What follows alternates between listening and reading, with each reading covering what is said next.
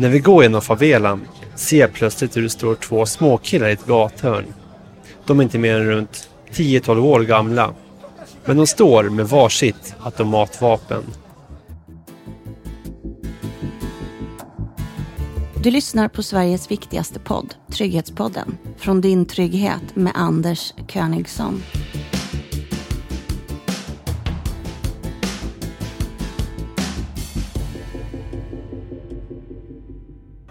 Here in Rocinha and in other favelas in Rio de Janeiro, you can share, for instance, a bedroom with five people. We have nine, nine rooms, I think. I Rio de Janeiro i Brasilien är klyftorna mellan människor enorma. Brasilien är det näst mest ojämlika landet i världen och är det någonstans det märks så är det Rio. Favelas, alltså illegalt byggda slumområden som ofta klättrar upp för branta sluttningar i det bergiga Rio, ligger på många ställen alldeles intill lyxiga lägenhetsområden med jättevåningar.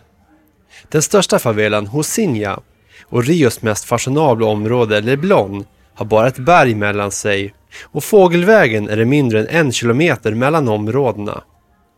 Men det skulle lika gärna kunna vara på två helt olika planeter.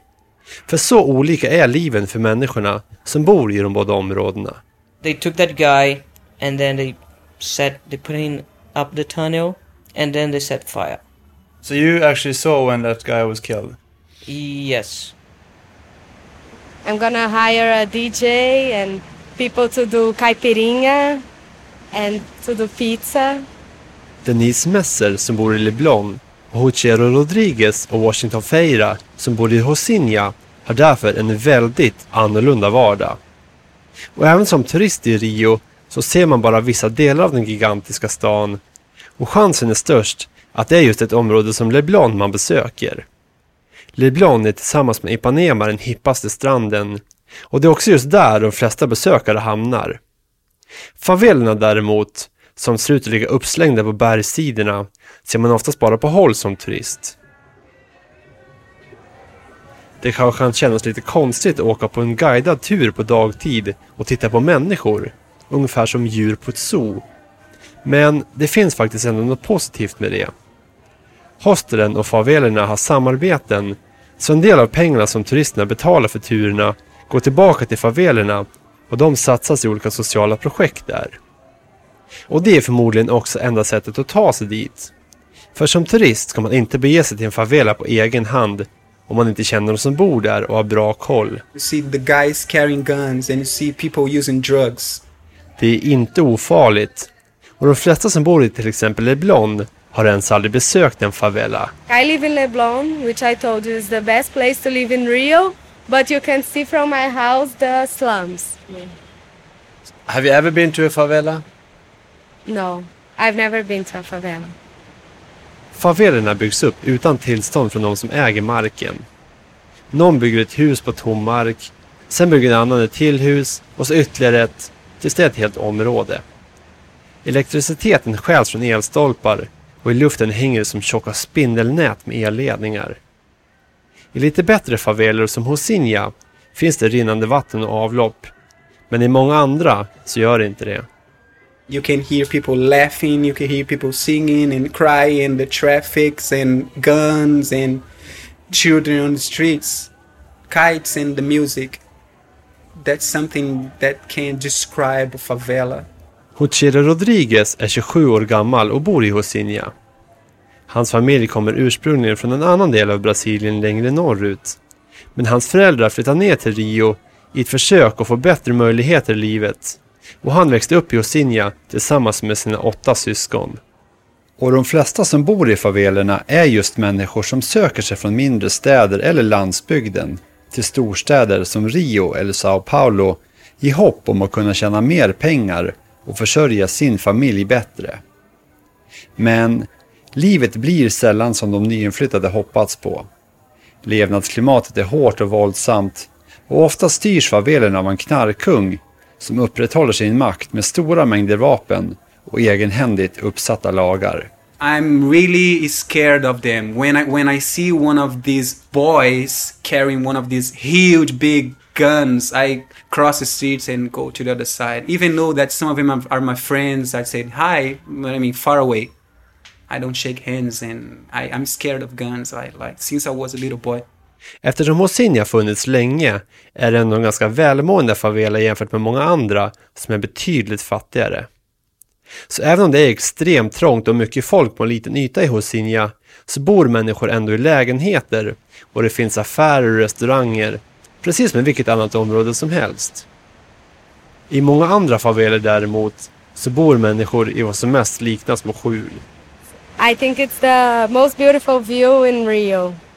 This one that I have here. And you can hear the sound of the the waves, the sound of the beach. Denise Messer är 22 år gammal och bor i området Leblon. Hon bor där tillsammans med sin familj i en jättevåning i tre plan. De två understa planen har stora rum med panoramafönster ut mot stranden. Det är inrett med dyr konst på väggarna och dyra designade möbler. Och på det översta planet är det en stor öppen altan. And it's the open part of the house where we have the swimming pool, the barbecue, and we have also um, an oven just for pizza. And we have a sauna also. We usually stay there during the weekends and we invite friends, we we do parties. Actually, I'm tomorrow is my birthday, so next week I'm gonna do a party here. I'm gonna invite about a hundred people. I'm gonna I'm gonna hire a DJ and people to do caipirinha and to do pizza. That's it. So I think it's gonna be fun. När vi går genom favelan ser jag plötsligt hur det står två småkillar i ett gathörn. De är inte mer än runt 10-12 år gamla. Men de står med varsitt automatvapen. Den ena står och håller i pipan på en AK47 och den andra på en M16. Och killarna är så små att vapnen når upp till bröstet på dem. Bredvid dem på en bänk sitter en tredje kille som är lite äldre. Han ser ut att vara runt 20 år. Och på bänken bredvid honom ligger tre pistoler prydligt uppradade. Men ingen verkar reagera på killarna utan allt fortgår som vanligt. För för de som bor i favelan är det inget ovanligt. De tre killarna fungerar som vakthundar åt knarkkungen som styr favelan.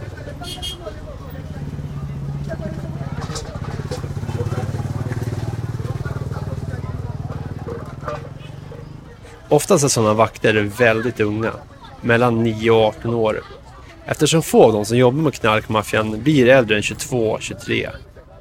De dödas av interna strider, krig mellan gängen, av polisen eller av knarket de själva blir beroende av. Vissa har tur och lever längre, men de är få.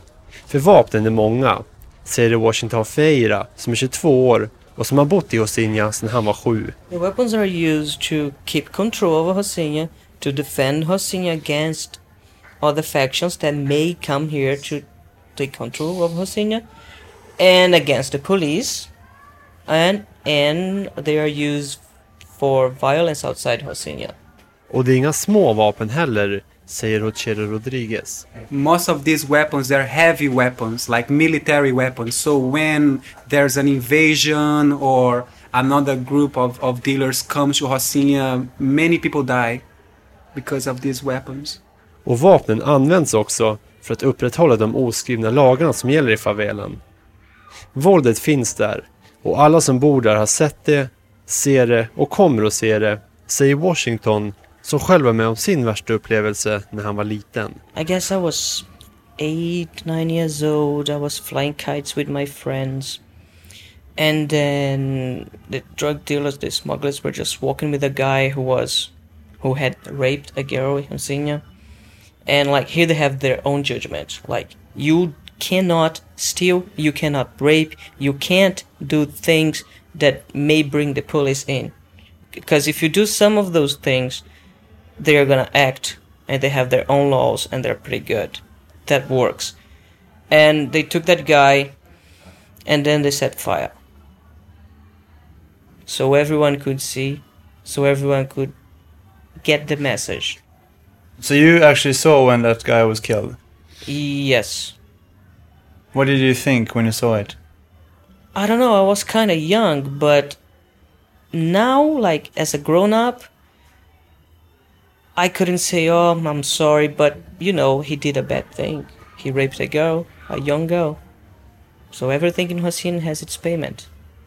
Eftersom knarkmaffian inte vill ha dit polisen begås inga brott i favelan mellan de som bor där. Det enda undantaget är knarkförsäljning. Especially when there's some parties happening down streets, it's a kind of an open market. Like they're yelling, selling, hey, I have that, I have that. Det bor mellan 2 och 300 000 människor hos Inja. Ingen vet exakt eftersom många föds hemma och blir aldrig registrerade av myndigheterna.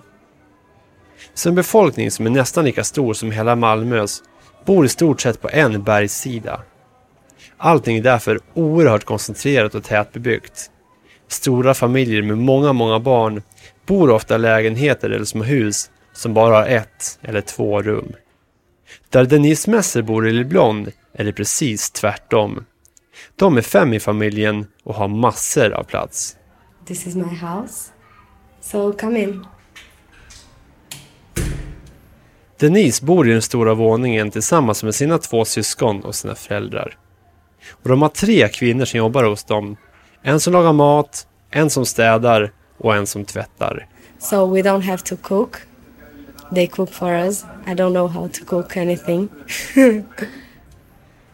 okay, this is the kitchen. This is the dining room. This is where we eat with all of, with all the family. So this is the living room. This is where we receive our friends. This is the study room. My dad sometimes works here. So how many rooms do you have in the house? We have nine, nine rooms, I think.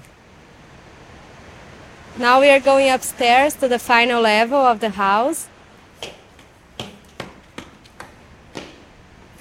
När vi är uppe på altanen och har tittat på poolen, bastun och pizzaugnen så frågar Denise hur hon ser på att det är så stora skillnader mellan folk i Rio. I wish it didn't exist here, but it's but it's a fact. There are a small group of people that have much more money than a very large group of people. I consider myself lucky because I am part of this group. But my family worked really hard, and I wish more people could become part of this group also. Du har hört ett avsnitt av Trygghetspodden. Fler avsnitt finns på dintrygghet.nu.